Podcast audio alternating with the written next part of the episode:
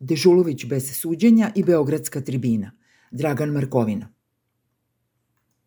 Slučaj je tako htio da je Državno odvjetništvo u Zagrebu odbacilo prijavu protiv Borisa Dežulovića za prošlogodišnji tekst pod naslovom Jebova Vukovar, jer nije u njemu pronašlo elemente poticanja na mržnju i nasilje, upravo nekoliko dana nakon ovogodišnjeg obilježavanja godišnjice pada tog grada.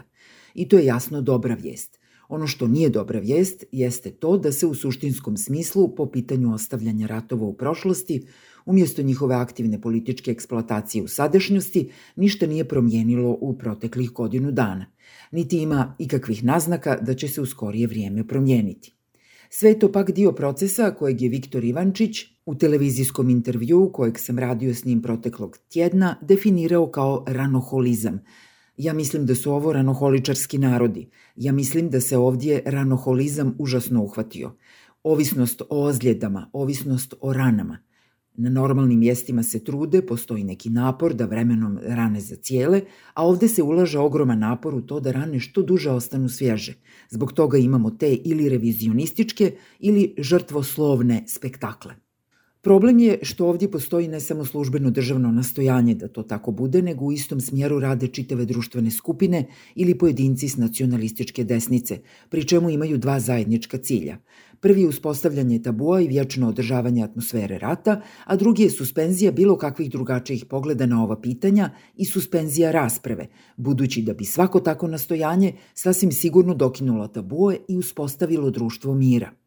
Najgore od svega je što se dugogodišnjom praksom u kojoj su država i spomenuti pojedinci i grupacije bili koordinirani i povezani, došlo u situaciju u kojoj to čak i više nije slučaj, ali mehanizam i dalje savršeno funkcionira, budući da grupe za pritisak samo inicijativno odrađuju ono što bi državne politike željele kanonizirati.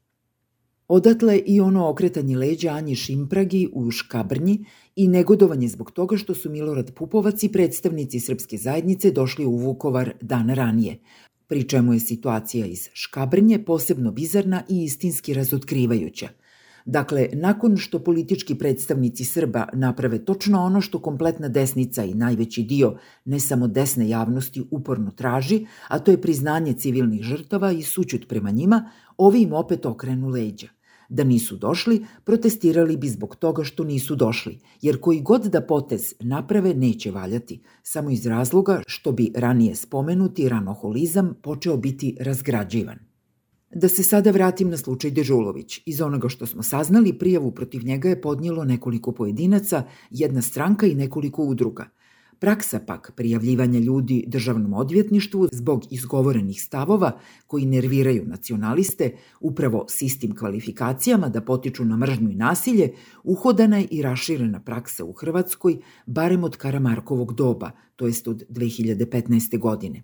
Znam to iz prve ruke, budući da sam u dva navrata saslušavan od strane policije zbog anonimnih prijava u fazi u kojoj je državno odvjetništvo odlučivalo o istoj stvari, to jest hoće li podići optužnicu. Stvar je međutim potpuno jasna i govori samo o tome da mnogi u hrvatskom društvu žele vratiti verbalni delikt i posve sam siguran da bi do riječi upotrijebili onu pravnu formulaciju o uznemiravanju javnosti. Sretna je okolnost što je to na koncu ipak više nemoguće u današnjim okolnostima, ali to u ovom konkretnom slučaju teško da može donijeti preveliku satisfakciju Borisu Dežuloviću koji je bio izložen dugotrajnim pretnjama i javnom linču zbog napisanog teksta. I kad god čovjek sluša nacionalističku javnost koja skače na svaki pojedinačni tekst ili iskaz ljudi koji predstavlja manjinsko mišljenje o ratu, uvek se susreće sa zamjenom teza i tvrdnjom da je ta nacionalistička većina ostala bez prava glasa, da se falsificira povijest, da se ne poštuju rane i slično. Što me vraća na Beogradsku tribinu organizaciji foruma ZFD povodom objavljivanja knjige priča Trenutak kad je meni počeo rat, na koji sam sudjelovao ove sedmice. I odmah da kažem, rado sudjelovao unatoč prigovorima i čuđenjima bliskih mi ljudi koji su se bunili protiv toga da na tribini govore ljudi s čim se mišljenjima ne slažu, odnosno netko s druge strane, odnosno u konkretnom slučaju pisac i kolumnist Muharem Bazdulj. Rado sam dakle sudjelovao i smatram da je puno smislenije razgovarati o traumatičnoj prošlosti u polemičkoj atmosferi, nego u krugu marginaliziranih istomišljenika koji ćemo jedni druge hrabriti da ustrajemo na margini.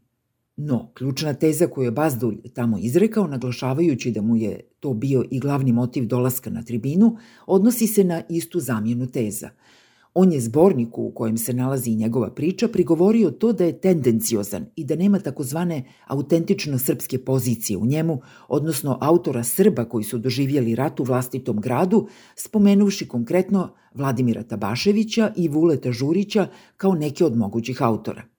Kad stvari pak stavimo u realnost, ispada da bi ljudi i stavovi koji su deo mainstreama morali biti i na margini među onim rijetkim ljudima i autorima koji osporavaju dominantni narativ, što nas onda dovodi do pitanja a gdje bi se onda mogao i trebao čuti i neki drugi glas.